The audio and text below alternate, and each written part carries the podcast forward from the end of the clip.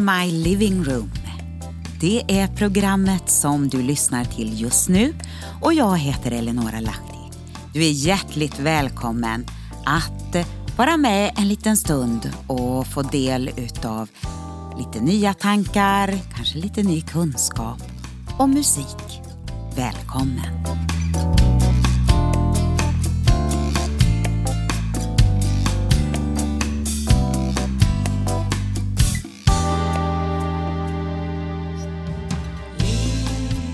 Hej alla kära vänner i sommarvärmen. Nu njuter vi väl som aldrig förr, eller hur? Jag sitter i min lilla vik medan galenskaperna jagar på ute i världen. Det ena värre än det andra känns det som. Lagar och förordningar försöker sätta gränser medan människors laglöshet vill vinna terräng. Ni som följer min blogg In My Living Room eller du som lyssnar på mitt eh, radioprogram vet att jag lite nu och då skriver om olika paralleller och liknelser i vår kristna tro och då gärna kopplat till den judiska traditionen. Det ligger nära till hands eftersom vi bodde i Israel några år.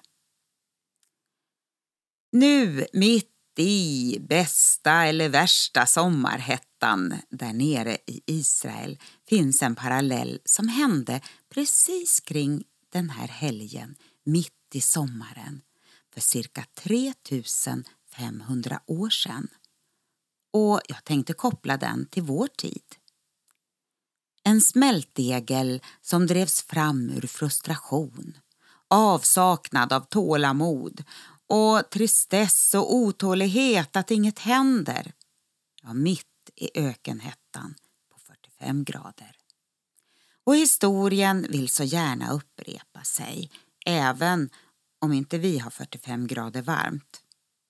Det handlar om guldkalven, du vet. Israels barn med cirka två miljoner människor hade varit med om undret vid uttåget ur Egypten där lammets blod räddade dem alla.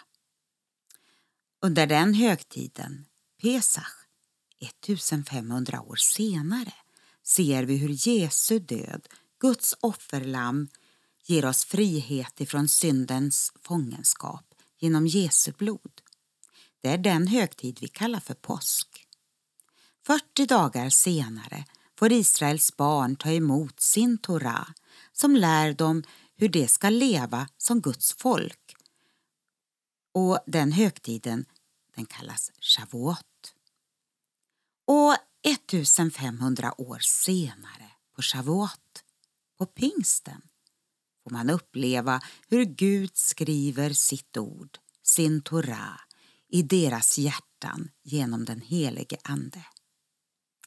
Vilka intressanta paralleller. Den sista av de tre högtider Gud talar till dem om att fira, det är Sukkot, lövhyddohögtiden, som påminner om hur Gud ledde dem ut ur öknen in i det land Gud lovat dem. Den kommer också med tiden att få sin parallell för oss. Och då, ja då talar vi om evigheten. Från pingst och fram till höstens lövhyddofest var det en lång ökenhetta, ja, som dessutom varade i 40 år. Och där olika faror och utmaningar väntade och lurade runt hörnet. Efter allt underbart de fått höra om det förbund Gud ville sluta med dem på berget Sinai säger folket allt vad Herren har sagt vill vi göra och lyda.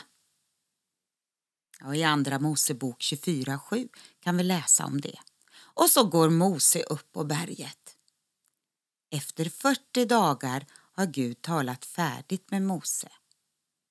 Och folket, ja, de har blivit less på att vänta. Lite egna idéer, trixande med folkets guldsmycken backen och en avfällig präst som hade släppt greppet. Ja, det var allt som behövdes för att börja förleda en hel nation på villovägar. En guldkalv var tillverkad och det lät ju så bra. Detta är din Gud, Israel, som har fört dig upp ur Egyptens land, sa man. Och Aron, prästen, sa lite till också. Jag kastade guldet i elden och så kom det ut en kalv. Mose sa. Herre, varför skulle din vrede brinna mot ditt folk som du har fört ut ur Egyptens land med stor kraft och stark hand? Och det var ju nästan samma ord som folket sa. Nästan. När Mose är på väg nerför berget slår Josua följe med honom.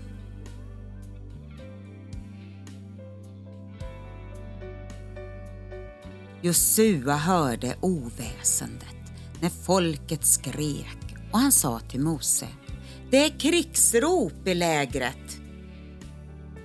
Men han, Mose, svarade det är inte ljudet av segerrop, ej heller ljudet av klagan eller nederlag. Ljudet av sång är vad jag hör. Andra Mosebok 32, vers 17 och 18. Visst är det märkliga versar. Josua hör krigsrop och Mose hör sång. Det är nästan som man tycker det vore tvärtom. Det som är hemligheten i detta är deras uppväxt.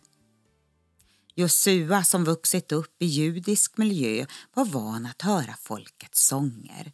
Så det här det var helt obekant för honom och det lät som krigsrop i hans öron. Mose, han var däremot uppvuxen och fostrad mitt ibland egyptiernas och faraos avgudadyrkan. Sången och musiken där hade en andlig och oren dimension och det kände han igen från avgudatemplen. Och Israels barns tillbedjan hade riktats åt ett annat håll. Fast man sa om guldkalven detta är din Gud, Israel, som har fört dig upp ur Egyptens land. Oj, oj, oj. Ja, vi har också passerat påsk och pingst i vår parallellvärld. Eller så kan vi säga Pesach och Shavuot. Ökentider för den kristna kyrkan har gjort sig påmind lite nu och då. Och guldkalven, ja, den har fått blänka i ökensolens hetta.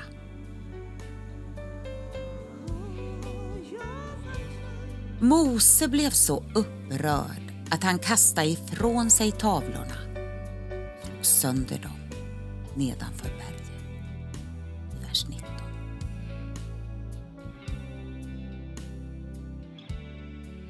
Framåt hösten kommer Jom Kippur en dag av fasta och bön som ligger några dagar innan Sukkot, lövhyddohögtiden. En helt nödvändig dag för att komma vidare. Och kanske står vi precis inför vårt Jom Kippur och våndas och nästan värjer oss för eh, vad det kommer att innebära och medföra. Dagen då vi böjer oss och erkänner vår lättja, oförsonlighet, likgiltighet, uppror, kompromiss, synd och otro. Där vi inser att det inte handlar om vår präktighet eller förmåga. Kanske vi även också måste våga bli så upprörda över det vi ser av företeelser som inte stämmer utifrån ordet att vi handlar konkret på ett eller annat sätt, som Mose. Det finns även människor mitt ibland oss vars frimodighet måste upplivas människor som är drivna utav Guds ande och som ska säga likt Mose. Var och en som tillhör Herren ska komma hit till mig och spänn på dig svärdet. Nu ska jag spela en utav mina sånger från Josua 1 och 9. Den tycker jag passar perfekt in här. Det ord som han fick när han skulle dra